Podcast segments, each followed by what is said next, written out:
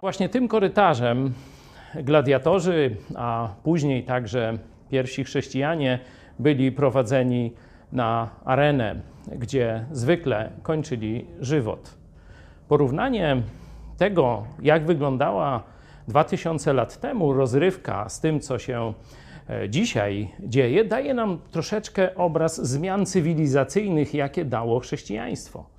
Bo to chrześcijaństwo w sposób łagodny zakończyło niewolnictwo, zakończyło też krwawe walki gladiatorów dla rozrywki pospólstwa. Wtedy ani ówcześni intelektualiści, ani tym bardziej zwykli ludzie nie protestowali, nie przeszkadzało im, że ktoś dla ich zabawy właśnie kona w męczarniach, w kałuży krwi, tu opodal na arenie Koloseum.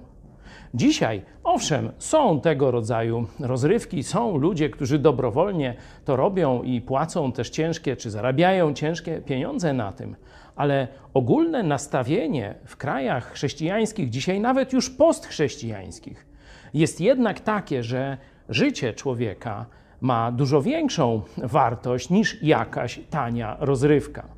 Oczywiście najważniejszą zmianą, jaką wprowadziło chrześcijaństwo, jest sprawa zbawienia. Już nie trzeba zasługiwać, kupować sobie, chodzić do kościoła, do świątyni, żeby mieć zbawienie, bo Jezus Chrystus raz na zawsze na krzyżu Golgoty zapłacił za ciebie i za mnie, za nasz bilet do nieba. Ale tu, właśnie pod Koloseum, tu właśnie, gdzie szli na śmierć gladiatorzy, widzimy, że chrześcijaństwo przeryło też społecznie i politycznie narody i społeczeństwa w ciągu tych kilkuset lat, kiedy jeszcze zwyczaje sprzed czasów Chrystusa królowały, kiedy chrześcijaństwo się rozprzestrzeniło, kiedy Biblia dotarła masowo do ludzi, to zmieniły się też obyczaje, także w sferze rozrywki. To pokazuje siłę chrześcijaństwa.